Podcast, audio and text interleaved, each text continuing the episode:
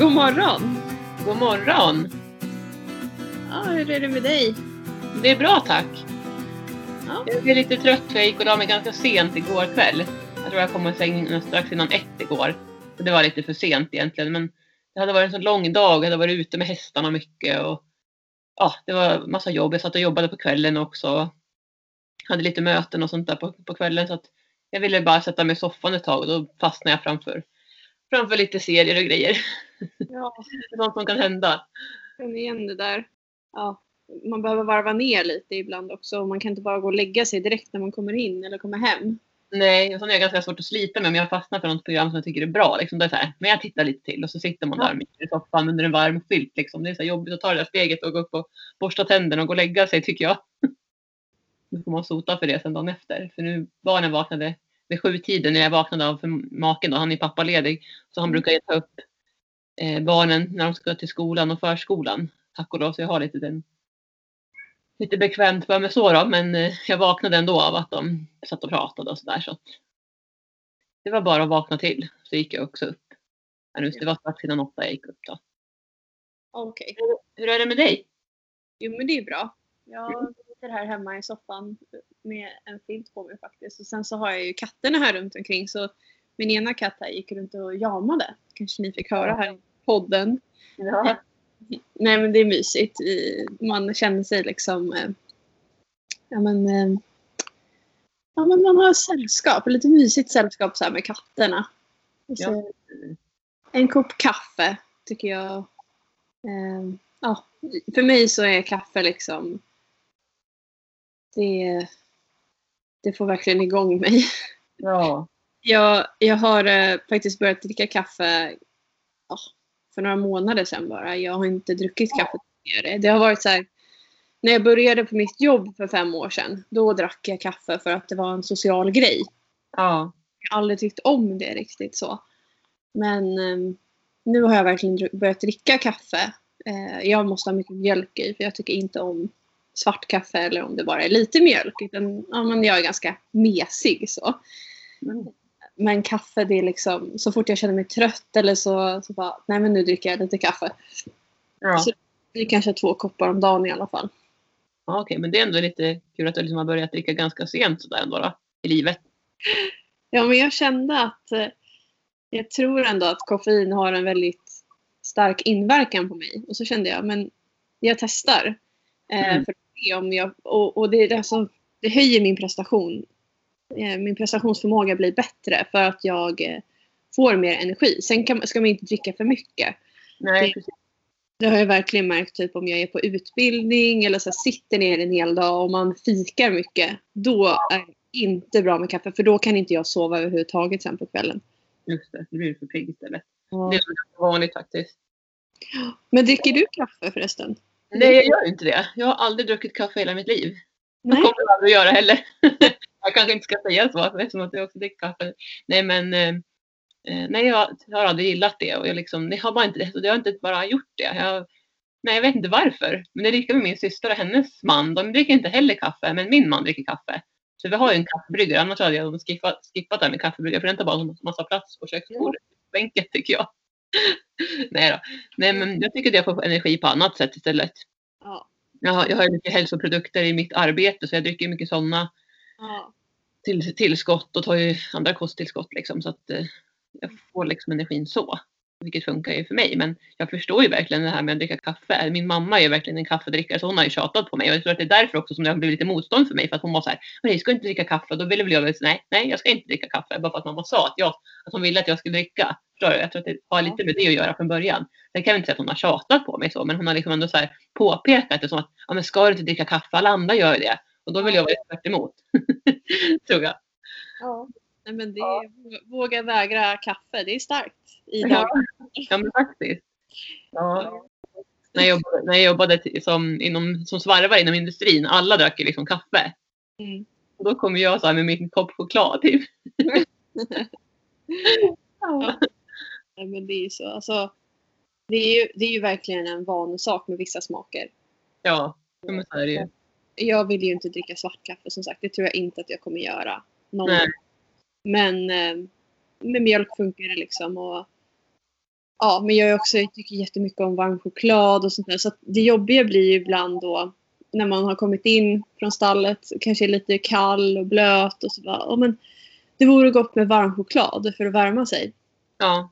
Det är lite bara, nej men kaffe, ja, choklad är ju godare men mm, vad ska jag välja? Jag gillar ju te också så det är liksom, eh, det Ja. är beslutsångest ibland.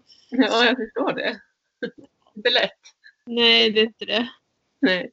Men det är så, alltså den här årstiden tycker jag att det kan vara det är så mycket lättare att bli trött nu när det är lite, alltså det är grått och mörkt och ja, man be, jag behöver en liten kick. Ja. Jo, det verkligen så. Ja, på sommaren är ju inte samma behov. Nej. Men Nej. tänk nu, nu har ju faktiskt hela november passerat och det är första december idag när vi spelar in det här avsnittet. Alltså det är helt galet tycker jag. Ja, Ja, det något avsnitt här, men jag tycker att november har gått väldigt snabbt. Jag tycker annars att det brukar vara en ganska seg månad. Och jag pratar med min mamma här också som jag vet att som inte alls tycker om november månad för att den är så grå och trist och sådär. Men vi Mm. sa till både hon jag, nej men det har gått så himla fort. Jag vet inte riktigt varför man känner så i år. nej. Det, men jag håller med dig. Det har verkligen bara alltså, swishat förbi tiden. Och nu, jag kan inte fatta att vi är inne i december. Nej. Alltså det känns ju inte så när man tittar ut genom fönstret heller. Eh, jag fick faktiskt häromdagen en liten julkänsla. Jag kanske var igår. För då Ja. var det, lite, det var lite vitt i träden och lite vitt på marken. Och då med betoning på lite. Det var inte snö. Det var snarare typ någon form av lite fruset i marken liksom. Ja, vi hade också lite så här. Ja, men och så var det lite kallare luft och jag kände men den här friska luften som är på vintern. Mm. Och då fick jag lite vinterkänsla och då, då drack jag faktiskt eh, gjorde en latte hemma med eh, lite kanel och nejlika i så att det var lite så här julkryddning. Och då, Mm. Ja. Nu har jag lite julkänsla men sen den försvann ju typ lika snabbt som den kom. Ja, men vi bakade faktiskt lussebullar här i helgen, jag och barnen. Och, och sen så pepparkakor och så. Eh, så det, det var mysigt. Då tycker jag man får lite julstämning. Plus att jag tog fram lite julpynt, alltså adventsljusstakar och lite sånt där. Mm. Eh, och som sagt, som när du säger, att när det blir lite snö så där på backen så gör det mycket. Dels blir det lite ljusare också. Ja. Oh, ja. Det var det intressant att se Abbe för han tyckte det var ganska spännande med den där lilla snön. Även om det var väldigt lite. Men då när vi till exempel när vi tränade på ridbanan så var det lite snö på staketet på kanterna liksom. Och då gick han fram och nosade först och tyckte liksom, man såg att han undrade vad det var först då. Mm. Sen så började han slicka på det där och så stannade han till på flera ställen och så stod och slickade upp snön på staketet. Vad gulligt. Ja. Jag tror att han kommer ändå vara ganska positiv till snön. Vi får väl bara se när det blir sådär jättekallt då, om det blir det i år. Men det borde väl bli någon sån här riktig köldknäpp. Får väl se. Men jag köpte faktiskt till, till rejält fodrat vintertäcke med hals och grejer åt honom här också nu för att ha det. Så man får försöka rusta sig så gott man kan. Vara beredd på om det blir kallt sen. Ja, men precis. Um, jag, jag har, apropå tecken så eh, Alltså mina hästar går ju ute dygnet runt och nu när det har varit mycket regnigt och sånt där så går det ju åt mycket tecken. Man behöver Ja. ibland tork så det gäller att man har bra, bra kvalitet på grejerna. Ja, verkligen. Sen ehm, så är mina hästar hopplösa för de håller ju på och leker med varandra och biter sönder täckena. Ja, det måste vara svårt att hålla ordning på det när det har så många hästar i samma hage liksom. Ja, ehm, jag hade i skolan IG i syslöjd för att jag, jag tyckte inte om min lärare så jag var inte där så mycket. Och sen så var jag väl ingen talang heller på att sy. Men ehm, jag kan säga att nu, jag har aldrig sytt så mycket som jag gör nu. Nej. Eh, Jag hade här i, i lördags, då var Orys täcke helt trasigt på rumpan på vänster sida. Nej. Och efter ridturen så fick jag sy det. Och det, tog, alltså det tar ett stort hål som det han hade där. Det, alltså det tar ungefär 10 minuter att sy åtminstone. Ja. Och då, jag syr för hand med lädertråd och lädernål. Ja. Eh, jag har ingen symaskin som, som kan sy i hästtäcken. Det är alldeles för tjockt material. ja. Eh, Så jag syr dem för hand. Jag brukar oftast ha dem på hästen då så att de blir som en sån här eh, mannekängdocka typ. Så täcker var. Ja. Ja, och så sa jag till honom nu får du faktiskt inte ha sönder det här täcket igen för då blir jag inte glad på dig. Mm. Och sen på söndagen så hade han ju ett lika stort hål, om inte större, på andra sidan istället. Nej. Jag kände bara nej, alltså vilken skitdag det här är. Jag bara nej. Jag har inget annat täcke jag kan sätta på som är helt liksom. Nej. Så eh, då fick jag sy det. Mm. Eh, och det, det tog ännu längre tid. Alltså det tog, det tog nog nästan en halvtimme faktiskt. Ja. Och jag hade tur för i söndags på första advent så var det en pay and jump som jag skulle åka på. Ja. Eh, men jag kände jag kan inte jag kan ju inte bara strunta i att Oris har värsta hålet på täcket för det kommer ju antagligen bli värre. Ja men precis. Det kan bli helt förstört istället om man har otur. Så då fick jag glatt sy hans täcke medan eh, Saga och Emma var i stallet. Och de fixade i ordning hästarna som skulle åka och hoppa. Ja. Så jag hann inte ens borsta min häst. Så jag glömde ju. Jag hade gjort så här julpyntad brösta och lite grejer som jag skulle ha med mig. Men då glömde jag för att jag fick så bråttom sen efter jag var klar med täcket. Åh vad typiskt. Ja. Jag känner igen mig i det där med att sy tecken också. Nu, jag har ju sytt väldigt mycket eksemtecken till lilla Gingis. Ja. Alltså genom åren har det gått ganska många tecken kan jag ju tala om dem. Och nu kan man väl i och för sig säga så att det är rätt bra med eksemtecken för de är ganska tunna så det går ju, jag syr dem med symaskin. Tack och lov får jag väl säga för det kan ju bli, alltså hela täckena kan ju bli upprivna och har det blivit. Sen kan det bli att- allt från lite mindre hål till större. Ja. Till det är att han har gått på sommarbete då på somrarna, att han har gått i hagen med massa träd och sådär. Så att han kliar sig då mot de här träden och det är därför de går sönder. Någon, ibland kan det ju vara att Herman får ta, har fått tag i täcket och sådär och haft sönder det. Men det verkar som, även nu när de har varit hemma, för nu har de inte gått på bete sista året här när han har haft fång och sådär. Så att, och då har de ju gått tillsammans och då har, ju, har det ju inte varit samma problem. Nej. Sönder. Så det har varit tydligt att det har varit de här träden. Jag har också kommit på dem flera gånger när han har stått och kliat sig när man kommer. Liksom. Men ja, som du säger, man ska iväg på någonting och man har liksom bråttom. Man ska bara åka ner och kolla till hästarna och så ser man det här trasiga täcket. Liksom. Så typ, jag lärde mig till slut att jag fick ha med mig ett helt täcke varje gång jag skulle ner om man skulle åka iväg någonstans så att inte behöva riskera att man blev sen eller ja, men sådär. Men ja, nej, det är inte kul med trasiga täcken. Det kan vi konstatera. Ja, det, det är så mycket.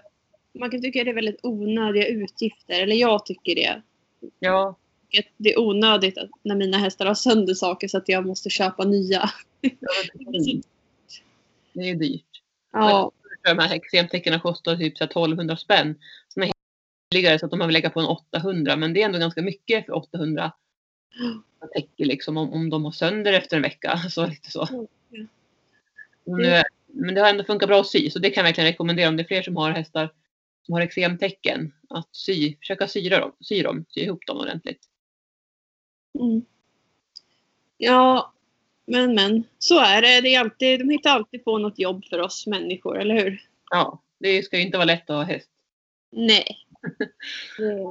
De är duktiga på att sysselsätta oss. Men då behöver man inte bli stressad över att man inte vet vad man ska göra i alla fall. Men, men precis, så är det verkligen.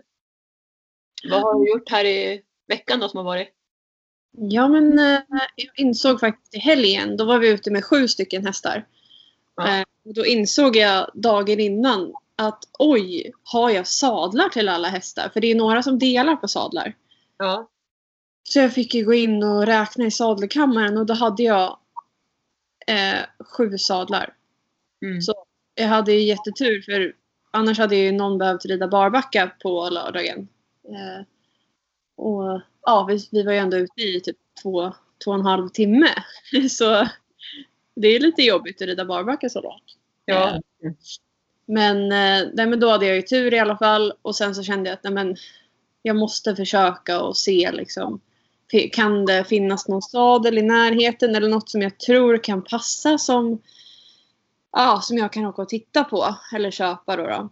Mm. Eh, Och jag hade alltså egentligen har inte jag råd att köpa någon, några sadlar just nu men eh, jag tänkte jag får väl liksom får väl lösa det och ta pengar från något, något sparkonto eller sådär för att nu när jag har fått nya medryttare så, så kommer det ju bli så att vi ibland rider alla nio hästar på en gång och då behöver ju alla ha sadlar. Ja, verkligen. Det är viktigt ändå.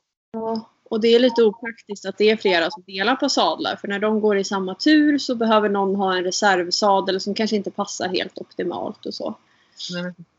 Eh, så jag fick faktiskt tag på, det var en tjej i Täby, bara typ 45 minuter härifrån.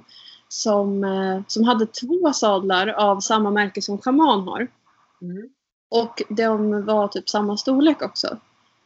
Och Shaman, Toppis och Bullen delar på Shaman-sadeln. Så då tänkte jag, hmm, de här två sadlarna, om jag har tur så kanske Bullen och Toppis kan ha varsin. Så har de, alla de tre har varsin sadel.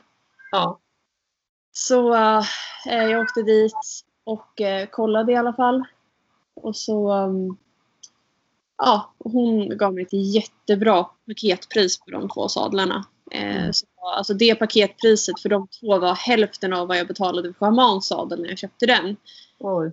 Eh, så att det var verkligen riktigt bra pris. Eh, sen så, så liksom, alltså jag kände ju stoppningen var ju dålig. Jag behöver stoppa om dem. Mm. Men det hade jag räknat med för ett sånt billigt pris. Ja. Och så, så liksom försökte jag känna då och klämma ihop sadlarna för att se om det lät någonting i bommen. För det har min sadelmakare lärt mig att jag ska göra för att försöka utvärdera om det är någon, någon skruv som är lös inuti sadeln eller så. För det kan faktiskt bli ganska dyrt att laga. Just det. Men hur gör du då, då när du ska göra det? Ja, då, då ska man klämma ihop. Fram, man håller en hand på framvalvet och sen brukar jag luta bakvalvet typ mot magen. Och så trycker man ihop sadeln alltså på längden kan man säga. Ja. Och sen så ska man ju även trycka ihop den eh, från sidan också vid sätet. Mm. Så att du håller en hand på varje sida om sätet och trycker ihop den också. Och då ska det ju inte knarra eller gnissla eller sådär. Knaka i sadeln. För då kan det ju vara att bommen faktiskt är trasig eller håller på att gå sönder. Just det. Och jag har varit med om att eh, det var någon sadel jag hade som det saknades en skruv på och det kostade typ 3000 att fixa det. Oj då. Det är ganska mycket pengar för det var en begagnad, inte jättefin sadel heller. Så att ibland är det inte ens värt att laga dem då. Nej. Men eh, jag kände ingenting oroväckande så jag hoppas att jag nu hade tillräckligt med kompetens för att utvärdera det. Eh, sen så kommer jag såklart lämna in sadlarna till min sadelmakare för de behöver som sagt stoppas om.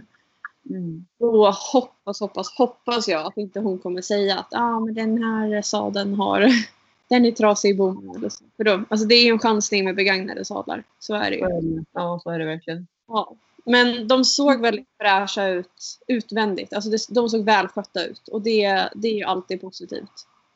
Ja men så är det ju. Man får ju gå lite på magkänslan och känna in lite grann. Och tänker också när man säljer, man kan känna av. Då hade ju du turen att du kunde, som jag förstod, möta upp den här personen. Ja. Jag har köpt Hermans sadel köpte jag eh, jag tror att det var faktiskt via Hästnet. Och, Ja. den, och den skickades. Ja. Eh, Men den var jättefin. Och det var också ett ganska bra pris. Och, och Abbes sadel nu när jag köpte den, den, den var ju en sadelutprovare som kom och passade ut som hade med sig den. Mm. Eh, sen kommer vi behöva ändra bommen på den när Abbe breddar sig. Mm. Men det gör de, de också då som, som förmedlade sadeln om man säger så. Det känns ändå bra. Ja. Sen är jag bara lite sådär nu om vi ska prata sadlar att eh, nu den här onlinekursen som jag går så pratar vi mycket om det här med knästöd och sådär att de helst inte, att inte man ska ha sadlar med för stora knästöd just för att de hindrar ens rörelse i sitsen och sådär, hindrar benen lite grann. Okej. Ja. Eh, Så att jag vet inte, det kan ju bli så att, jag, att de tycker sen att jag behöver byta sadel, att vi kommer fram till det. Jag har också börjat rida nu för en instruktör här som var här i lördag som jag ledde lektion för och vi pratade också lite löst om det där att egentligen är det inte optimalt. Man ska kunna liksom sitta lite mer fritt i sadeln. Okej. Men Samtidigt så var det en sadel som passar Abbe och det är inte så lätt att hitta sadlar till mina hästar, verkligen någon av mina hästar faktiskt. Mm. För att de är så korta i ryggen. Så att vi får lite, men den passar ju så, men den passar inte mig optimalt om vi säger. Det är mer det. Och så jag tycker att det är bra i den, men jag kan väl ändå förstå lite grann vad de menar nu när man i lektion och man får liksom lite med tanke att jag behöver kunna komma bak med, med mina ben. Eh, ja, det blir lätt att det liksom, de är lite i vägen. Men du har väl, du eh, har väl ganska långa ben va? Ja, jag har ju det. Ja, och då, alltså för det, det dilemmat känner jag igen också. Jag, jag tror jag kanske har lite kortare ben än dig, men jag har ändå eh, alltså relativt långa ben för min längd. Ja. Problemet med när man har hästar med väldigt kort rygg det är att oftast då behöver sadeln vara kanske 16,5 tum eller 17 tum. Mm. Eh, jag har Orus till exempel. Han kan absolut inte ha 17 tum om inte den sadeln är riktigt, riktigt kort i anläggningsytan. Han Ja. sa 16,5 Mm. eh, och jag kan sitta i den, den funkar. Men för mig är egentligen optimalt 17 tum. För att jag får inte riktigt plats ordentligt med benen annars. Nej. Nu är det ju tur att jag ändå då kan ha så pass långa läder i den sadeln. Ja. Eh, har jag korta läder då, då hamnar ju knäna helt fel. Liksom. Ja. Så att det, ja, men det är ett dilemma faktiskt när man har hästar med sån, sån kort anläggningsyta. För man har ju inte så mycket att välja på. Men precis så. Och Det var lite det som var grejen med Abbe också. Att ja, 16,5 det kan jag absolut inte ha. För det är jag för stor i sätet för. Eh, Så jag, jag blev lite osäker om det var 17 eller 17,5 vi valde sen. Jag minns faktiskt inte. Men däromkring i alla fall är det ju. Och det som du säger, det blir nästan så att det blir, kan, kan bli för stort för Abbe då. Det är inte lätt att hitta ett märke som passar. Nej. Eh, Men jag är ändå glad att vi hittade den här sadeln. Sen får vi bara se. Jag hoppas att den inte ska behöva byta. För att den var en ganska dyr sadel. Å andra sidan så sa de att behöver du sälja den så den här behåller sitt värde så länge du sköter om sadeln. Liksom. Ja. Det känns ändå bra. Men helst vill man inte sälja den och köpa en, en annan. Så jag hoppas att jag inte behöver det. Nej. Att jag kan komma till rätta med min sits ordentligt och så. Ja, hoppas det. Mm. Ja, men det. Vi har ju pratat om sadlar förut i podden. kanske, kanske ska ägna ett helt avsnitt åt det någon gång. För det finns ju så mycket att, att prata om. Verkligen. eh, olika typer av sadlar och jag får ju väldigt ofta frågan om vilka, ja, vilken typ av sadlar jag rider i och distanssadlar och sånt där. Liksom. Men Mm. ja, som sagt, det, det kan vi verkligen prata mer om. Det kan vi göra. Det har faktiskt hänt en annan lite spännande grej. Vad då för något? Jag fick ett mejl i söndags eh, ifrån en journalist på tidningen Ridsport. Jaha. Ja, eller nej förlåt. Hon skrev till mig på lördag kväll och då, um, då så um, eh, svarade jag henne ganska direkt. Eh, jag blev så chockad när jag fick mejlet. Hon skrev att eh, de har en, eh, en art- artikelserie eller vad man ska kalla det för som heter, de kallar den för stafettpinnen. Mm. Och då är det en känd ryttare eller en känd person inom hästvärlden som, eh, som får tre frågor ställda av en annan känd person. Ja. Eh, och då hade stafettpinnen tydligen fallit på mig. Mhm. Ja, Vad Så- ja alltså verkligen. Eh, nej, men hon skrev då att fälttävlansryttare Ludvig Svennerstål Mm. som faktiskt rider för landslaget i fälttävlan, jätteduktig kille. Han eh, hade ställt tre frågor till mig. Vad roligt. Ja, och alltså, jag har fortfarande inte riktigt fattat det. Eh, jag tycker det är lustigt på många sätt liksom, att, han, att han ville ställa frågor just till mig och jag funderar liksom på ja, hur det kom sig att han, eh, att han visste om mig eller liksom, ja, på något sätt så har han väl kanske läst någonting där jag, där jag har varit med eller så. Jag vet inte. Men det var roligt. Om du kan få kontakt med honom så får du fråga vad det var hur han hörde av sig. Jag tänkte det så att när artikeln har publicerats så tänkte jag tagga honom och säga Ja. att han eh, skickade frågorna till mig. Mm. Eh, men journalisten sa det att eh, om, om det funkade så kunde hon ringa mig på söndagen och, och ha en telefonintervju då. Så då fick hon göra det. Eh, och hon sa att det hade fallit sig ganska naturligt för Ludvig då att ställa frågor till mig som var distansryttare. För att fälttävlan och distans, vi har ändå ganska mycket likheter i träning och så. Kan man Mm. tänka. Eh, och det var ju bland annat, ja, det var ju träningsrelaterade frågor framför allt som han hade frågat då.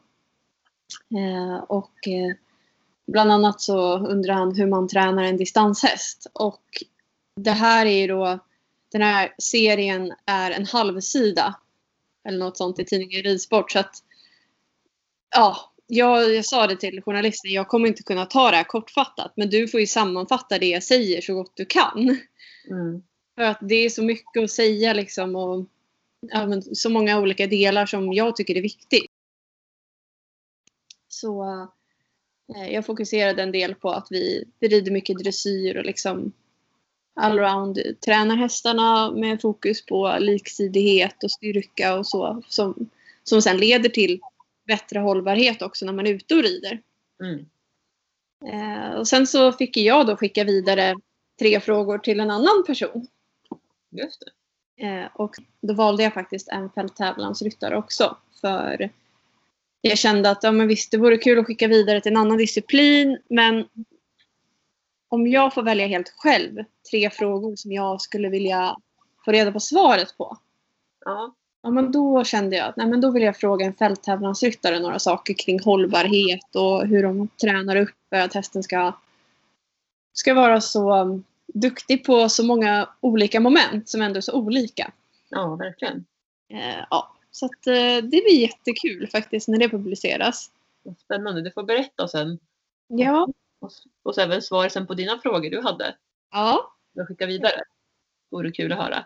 ja. Så det kan jag tipsa er om att den här stafettpinnen på tidningen Ridsport det verkar vara en väldigt intressant eh, serie. Det är många som har varit med, bland annat eh, Malin Bajard och Yogi Breisner och ja, massa olika. Eh, det är en låst artikelserie så att man behöver vara prenumerant på tidningen Ridsport för att läsa den. Just det.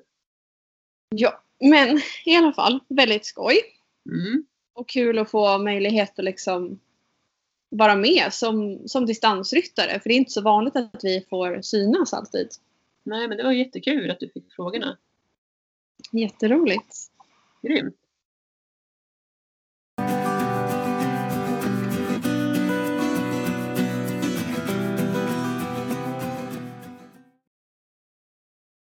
Vad har annars hänt då? Vad har ni, vad har ni pysslat med? Ja, jag har haft en hel del lektioner faktiskt med barn. Ehm, Det har varit mycket sånt på helgerna. Och nu när jag, nu är jag ledig på helgerna. Ehm, Det är ju inga särskilda tävlingar och sen så var det faktiskt så att förra veckan, det var min sista ordinarie arbetsvecka. Ehm, Nu är alla barn och ungdomsverksamheter nedstängda på mitt jobb. Så eh, jag har eh, planeringstid och alltså ja, jag kan ju, jag skulle ju kunna ha till exempel läxhjälp online eller så. Jag, jag har inte riktigt kommit fram till om jag, om jag ska göra något sånt. Kanske lägg, hjälpa ungdomarna att korreläsa deras texter och ge dem lite stöd och feedback och så. Mm. Eh, Men ja, det är väldigt nytt. Så um, idag ska jag faktiskt inte åka och jobba fast det är tisdag. Ja, just det.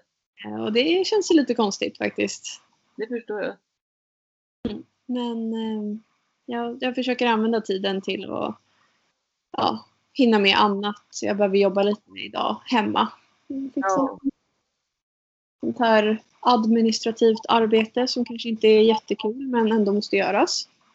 Precis, det är samma här. Jag ska sitta lite med bokföringen. Ja, Första december. Det gäller att ligga i, ligga i fas. ja det är ju det. Ja, och sen så nu när det har tinat upp här när det blev rätt mycket plusgrader så tänkte vi försöka fortsätta med vindskydd där. För vi vi började ju grusa men sen så blev det ju så kallt och minusgrader och det är så här ja, men sånt där grus som lätt blir, som packar ihop sig och som blir stenhårt snabbt. Eh, så att eh, ja, nu, det, vi har, det har inte gått att göra någonting men nu så försöka kratta ut det där för att om det nu fortsätter vara milt ett tag då kanske vi kan börja snickra på det. Själva vindskyddet så får vi se. Jag tror inte, alltså planen har egentligen inte varit att vi ska hinna klart. Jag har liksom lagt ner lite den tanken men det ska vara klart nu i vinter. Men eh, ja, det är i alla fall bra om själva grundarbetet med gruset och det här är färdigt.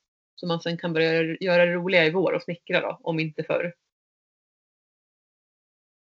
Ja, men vad kul. Vi har faktiskt också, igår eh, kom det ett lass, eller två lass med flera ton grus till vår hage också. Ja, just det. Så eh, vi har grusat upp runt eh, foderstationerna. Två av dem i alla fall. Ja, vad skönt. Ja, men det är skönt. Alltså hagen är ju, det är så lerigt i min hage. Eh, Det är inte djuplera, det är jag glad för. Eh, Den går ju liksom upp till kronranden typ. Men inte högre upp än så som jag har sett i en del andra hagar. Mm. Eh, Så att vi har, alltså vi har ju grus under all lera. I alla fall där de, där de rör sig mest. Men eh, alltså, det har ju regnat så mycket så att det har trängt upp lera genom gruset. Ja. Så att vi har... eh, Jag fick eh, investera lite pengar, eller mycket pengar i grus också då. Och som sagt, det är liksom... Det är inte så kul så här innan jul. Jag kan inte säga att jag har en massa pengar att lägga på nya sadlar och grus till hästarna. Men det är sånt som man ibland måste bara göra. Ja, nej men verkligen. Jag känner också med vindskydd och grus. Alltså det, det kostar ju mycket med, med, eller egentligen inte gruset som är dyrt utan det är framkörningen av gruset. Man ska ha transporten liksom. Som kostar. När vi har byggt så lite mindre saker, typ som när vi byggde gödselplattan och sådana här grejer. Då åkte vi faktiskt med släpkärran och köpte grus och det var ju så här ett par hundra per last liksom. På Ja. närmaste grustag. Lite mera jobb och lasta då. Nu gjorde vi faktiskt det själva också, så här stod och skotta. Men då får man se det som träning brukar jag säga. Ja. Men när man ska ha så mycket mängder som flera ton, då är det ju då är det inte hållbart liksom, att sitta och åka och hämta själv. Då måste man ju beställa hem lastbilar. Och då drar det ju faktiskt iväg. Det är inte det roligaste kanske att lägga pengarna på, men det är ju så skönt efteråt sen. Jag kan tänka mig för er då också, vid just där hästarna äter, att det är skönt att det är grus där. Ja, men vi... ja, men jag kände häromdagen, jag bara nej men alltså jag orkar inte det här. Det känns så hemskt att hästarna går i leran och alltså vi skrapar ju undan lera med traktorn och, och liksom hyvlar av så att, det, så att det ska bli bättre och mindre lerigt och sen regnar det igen och så blir det liksom mera Ja. lera och jag kände nej men alltså det minsta vi kan göra är i alla fall foderplatserna så att vi har bra underlag där. För då, då kommer de liksom upp en bit ifrån leran och kan stå medan de äter i, alltså det är torrt för benen. Ja, Ja, det blir inte, det, är- det är inte kul när fakturan kommer men eh, det känns ändå skönt att, att gå ut i hagen och, och se att det är bättre än vad det var häromdagen. ja, verkligen. Det är värt det. Ja, det.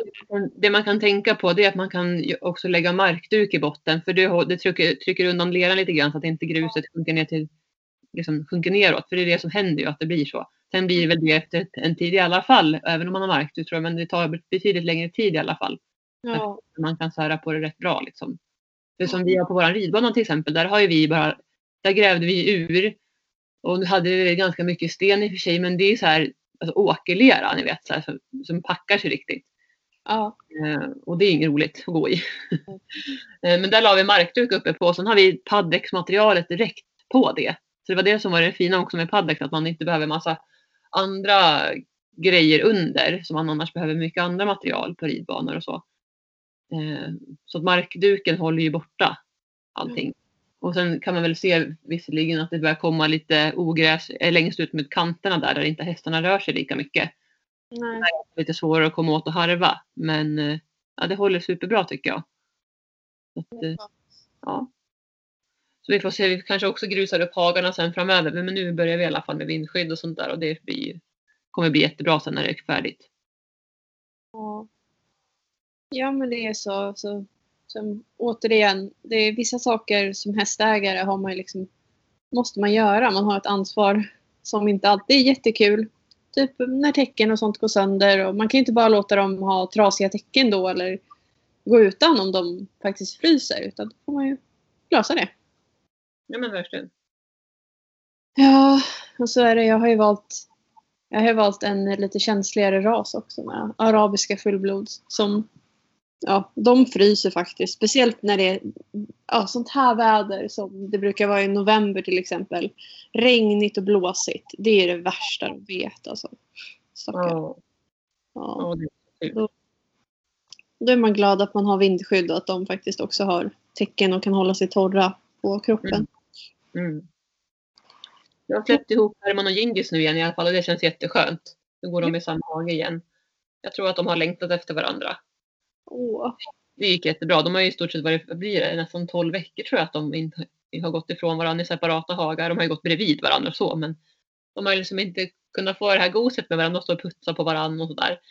Så att det är så kul nu när man, när man, nu när man kommer då står de verkligen så här, Jingi står under Herman liksom för han är så lite mycket mindre än Herman så att han står liksom så här under hans huvud. Så står de där och ja, det ser så här mysigt ut. Vad mysigt. Men Abbe däremot, han får ju gå själv men det får han göra ett tag till nu för jag vågar inte släppa ihop dem igen. Nej, jag förstår. Abbe får hinna landa lite mer och hinna bli lite äldre och lite klokare Vi får Ja. se om det nästa vår, sommar eller om jag kanske till och med väntar ännu längre. Vi får se lite grann. Det beror lite på. Han är ju liksom. Han är lite för nyfiken av sig, lite för gåpåig tror jag. Okej. Och är väldigt dominant. Och man får inte glömma det heller att han är ju ändå en häst som är avlad för tjurfäktning. Alltså PRI och Lusitanen och så. Det är ju lite så. De är ju lite macho. De ska ju faktiskt stå och vifta till tjuren och säga kommando. Ja. Faktiskt inte kanske. Ja, jag har tänkt lite grann på det där att jag var lite för snabb. Sen tror jag i och för sig inte att, jag, att det blev någon spark utan det var nog att han som sagt fick en hov under käken där den här käkfrakturen uppstod på grund av det. Men ändå så är det en ganska stor risk att släppa ihop dem. Han behöver landa lite mer ändå här då. Ja. Men det är svårt det där med ihopsläpp. Oftast går det ju bra. Men eh, det är ju det är jobbigt när det inte gör det liksom. Om de får en spark eller så. Nej, Man blir ju lite avskräckt då. verkligen. Det är så. Men eh, ja, det är ju djur vi har att göra med. Mm, så är det. Har du någonting du ska hitta på nu i veckan? Ja, vad ska jag hitta på tro? Eh, Det är nog inget speciellt egentligen. Det är ganska lugnt här nu. Jag börjar minska lite grann med ridlektioner. Eh, Eller ja, jag har en del ridlektioner sådär men inte lika mycket som det har varit nu på hösten och så. Eh, Jag har några hästskötarkurser kvar så innan jul. Men det är ganska, ganska lugnt ändå. Det är mer jobb med mitt andra jobb istället. Mm. Eh, Och ja, det, jag ska väl rida lite mer på Abbe. Vi var uppe i förra veckan så red vi upp till ridhuset. Då var min, min moster här så hon gick med Herman, ledde honom. Ja. Och då red jag på Abbe. Och vi red ju upp dit. Jag tror att jag berättade i något avsnitt att vi red upp till ridhuset utanför och så vände vi och gick hem igen. För det var liksom första svängen upp på den vägen. Och det gick ju jättebra. Och den här gången då så red vi upp och red in i ridhuset och red där inne. Och det var liksom som att han kände sig rätt hemma där. Jag tänkte först att han kanske skulle vara lite rä- rädd för saker, men det var han inte. Han tittade lite grann sådär, men inte så att han var rädd och hoppade till i något hörn, utan han körde på liksom. Eh, så det var jätteroligt. Det känns skönt att jag liksom, jag vet att jag har sagt det, att ett mål är att komma och kunna rida upp till ridhuset. Och nu känns det ändå som att jag är på gång, att vi har gjort det och att det liksom ändå går framåt hela tiden. Eh, sen är jag väl snarare nu som sagt lite mer orolig för underlaget här nu för nu börjar det regna igen och de säger att det ska komma ganska mycket regn så jag hoppas bara inte att det blir isgata sen under om det här när det blir kallare och vänder. Det är det jag är lite rädd för nu för det är inte så kul att rida ut och framförallt när man häst som ändå inte är van med det. Dels är han inte van att ha broddar och han är heller inte van med is och halka. Nej. Ehm, Det är klart att han är van, han är ju van att gå på asfalt och betong och det kan ju sin, i sin tur bli ganska halt. Man Mm. har lite mindre sådana här specialbroddar. Jag vet inte vad de kallas för. Jag har aldrig sett sådana skor i, i Sverige. Men han hade ju det när han kom från Spanien. Så hade han ju som någon mindre brodd. Just för betong och asfalt. Så att Okej. han är lite van så. Men inte på så- inte liksom is. Nej. Det får man ju se hur det går. Ja, det är det är väl en invänjningsfas. Ja, lite så. Man får ta en sak i taget. Men det har vi i alla fall gjort. Vi har ridit ut ganska mycket. Eller mycket ska man inte säga. Men en, en, några, några gånger i veckan här. Mm. Och, och det har gått jättebra på vägen. Jag har varit så nojig för den där vägen. Och det visar sig att bilar är han ju inte alls rädd för. Liksom, och det känns jätteskönt. Det var faktiskt, apropå det här vi har pratat om det här med, med trafik och så. Och trafikanter och, och så. Och det var, de flesta har ju sagt att ja, men det här var en, en tur. Då var min man med och gick promenad med, med Jolin i barnvagnen då. Och då var det två bilar på den ridturen som inte saktade av i stort sett någonting. De brassade på säkert en 50-60 förbi oss. Alltså de bara swishade förbi och den ena bilen den höll, höll undan mer för min man och barnvagnen än för mig och hästen så den nästan snuddade vid oss kan man säga. Det var lite behagligt. Eh, kan jag säga. Men, men Abbe klarade det superbra ändå så det var jag glad- för men det, ja, det är svårt liksom. Man tror ju att verkligen ska sakta ner och vi, varken jag eller Linus vi blev nog så förvånade. Så vi bara, va? Vad var det som hände? Liksom, saktade de inte ens ner? Och jag kände att jag blev inte stressad så därför brydde jag mig inte heller om att liksom vinka ner eller någonting sånt där. Utan jag kände att de får köra så ser vi. Då förhoppningsvis så saktar de ja, men det gjorde de ju inte då. De, de brassade på. Men ja. Jag tror att jag nämnde det här att- att vi mätte lastbil och eh, motorcykel och grävmaskin också på en ridtur.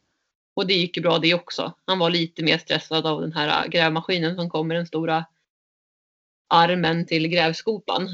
Ja. Eh, men nej, jag får ändå säga att han skötte sig väldigt bra. Och det jag har märkt är att det går nästan bättre att rida ut Abe själv. För när jag rider med sällskap av Herman, då blir han, då blir han så pigg och glad. Så då när vi skulle rida upp till ridhuset, då höll han på och taktade och gjorde piaff och höll på liksom på vägen. Eh, sen helt plötsligt bara när vi kom till en liten uppförsbacke på asfaltsvägen, då liksom var det som att han kunde slappna av. Jag vet inte. Då slutade han takta helt plötsligt och så bara kom han ner i varv. Och sen skrittade han på jättefint. Men han blir väldigt exalterad tror jag när han inser att han ska få komma ut på en uteritt. Ja, det är klart. Alltså, de flesta tycker ju att det är roligt att komma ut. Ja. Men det är ändå kul att det går att rida själv på honom, att nästan det funkar bättre. Mm. Eh, Eller bättre ska vi inte säga, men ja, det är liksom att han är lugnare då faktiskt. Han är många gånger tvärtom. Han har aldrig gnäggat på en ridhur någonsin. Nej. Det är de andra två som står och gnäggar hemma istället. De inte får följa med. Men ja, så det går bra tycker jag så här långt. Vad härligt. Så skönt att det känns som det är ganska positivt nu. Ja, verkligen. Vad har du för planer i veckan? Jo, men eh, det är ju massa ridning då. Eh, jag har inte riktigt kört igång med schemat som jag i stort sett är färdig med. Det är, det är några saker till som, behöver, som jag behöver få klarhet i innan jag kan köra igång med schemat. Men eh, eh, jag tror från januari eller typ sista veckan i eller första veckan i, i januari då kommer jag köra igång med schemat. Mm. Eh, men tills vidare så försöker jag att hålla det jag har tänkt att hästarna ska göra då. Eh, ojämna veckor och jämna veckor. Så att det börjar bli en rutin liksom. Ja. Eh, men eh, idag så kommer Emma och då, det är tisdag idag när vi spelar in och då är det dressyrdag för mina hästar. I stort sett allihopa ska gå dressyr. Mm. Um, och sen så på fredag är det faktiskt um, två av hästarna som jag och Emma åker iväg på hoppträning med. Vad kul. Ja, det ska bli jätteroligt. Så får vi se vad det är, om det verkar vara en bra tränare för i så fall så kommer vi försöka åka på träning kanske varannan, eh, varannan fredag eller något sånt när Emma är ledig. Det. Vad kul. Men det är kul att ha lite saker att se fram emot även nu när det blir vinter och Ja, lite kallare ute. Så Ja, man men- kan hålla igång. det är jätteviktigt för mig i alla fall att, att hitta någon, någonting att se fram emot som motiverar. Och nu känns det, det känns väldigt kul med hoppningen just nu så att jag kommer satsa lite på det. Kul. Ja. Hoppar du med lite olika hästar då eller är det ungefär samma hästar du kör? Eller? Eh, Jag jobbar med lite olika. Det är väl framförallt Caruso, Abbe och Bullen som jag hoppar mest med. Det är de som är bäst. Eller just nu, så bäst utbildade. Ja. Eh, Men eh, jag tycker även att det är jättekul att hoppa med Sohar och Shaman Mm. till exempel. Orus är väldigt duktig på att hoppa men han har inte hoppat så mycket uppsuttet med ryttare. Nej, det. Och, um, vi får se. Det är jättesvårt att välja häst jämt när man ska åka iväg och hoppa eftersom jag kan ju bara få med mig en som jag kan rida på per gång. Så Ja. det blir troligen Bullen i alla fall till att börja med. Mm. Och han är ju tack och lov bra nu efter sin hovböld. Alltså jag har ju satt igång honom normalt igen och det har funkat bra. Jätteskönt. Ja. Så Så, skönt att det var liksom en hovböld så att det inte var någonting mer. För jag vet att vi pratade och var så oroliga att det var någonting annat. Ja, Hovbensfraktur pratade vi om men det var jättebra att ni hittade den här hovbölden och att jag ja, läkte ut nu då. ja, men det känns superskönt och jag hoppas att vi kan få, få ha det lite lugnt och skönt en period. Ja. Jo, jag hoppas det också här nu att det får vara lite lugnt med skador och grejer. Ja, men jag tycker att vi förtjänar i alla fall en period med lite härligt bara man kan njuta av hästarna. Ja, jag ser fram emot. Jag, vill, alltså, jag börjar nästan längta nu efter snö. Alltså. Tänk en sån här vacker solig dag med snö och det är så här krispigt i träden och lagom mycket snö så att det ändå går liksom att rida. Eh, både på banan hemma och ute i skogen. Det, det längtar jag efter just nu. Ja, jag längtar också efter eh, efter lite vinter faktiskt. Ja. Det vore skönt att få lite, lite tjäle i marken så att det inte är så lerigt och lite vitt på marken så att det blir ljusare. Mm. Jag tycker att det, det kan vi faktiskt få nu efter, efter eh, mycket regn. Ja, verkligen. Jag menar, vi har inte sett så mycket snö, i alla fall inte här där vi bor. För förra året var det ju i stort sett ingen snö alls. Det var ju bara ett par dagar totalt på hela året som det var snö. Ja. Det är ju helt otroligt egentligen om man tänker efter att det, ens, att, att det ens är möjligt. Jag menar när jag var liten och växte upp, jag är uppvuxen ute i Öregrund, en kuststad. Alltså vi kunde ju köra snöskoter ute på isen på Öster, Östersjön, havet där, Gräs Öregrund. Alltså det var ju, det var ju tjock is på den tiden. Nu alltså, det blir ju aldrig is där i stort sett. Inte, att, inte så att den bär och man kan gå ut på den längre. Så att det har hänt någonting med klimatet sista åren, eller senaste åren. Ja, det har det. Mm. Men, ja, men jag hoppas att det kan bli lite snö i alla fall, lite vinter. Det tror jag nog att det blir i år. Det känns så i alla fall. Ja, men vi hoppas det.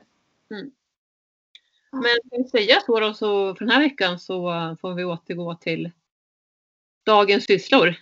Ja, det tycker jag. Så får vi önska alla en fin andra advent då. Ja, det blir det ju. Ja. Idag ska jag faktiskt kolla på julkalendern med mina barn. Ja, Det får vi alltid göra så här i december. och vad mysigt.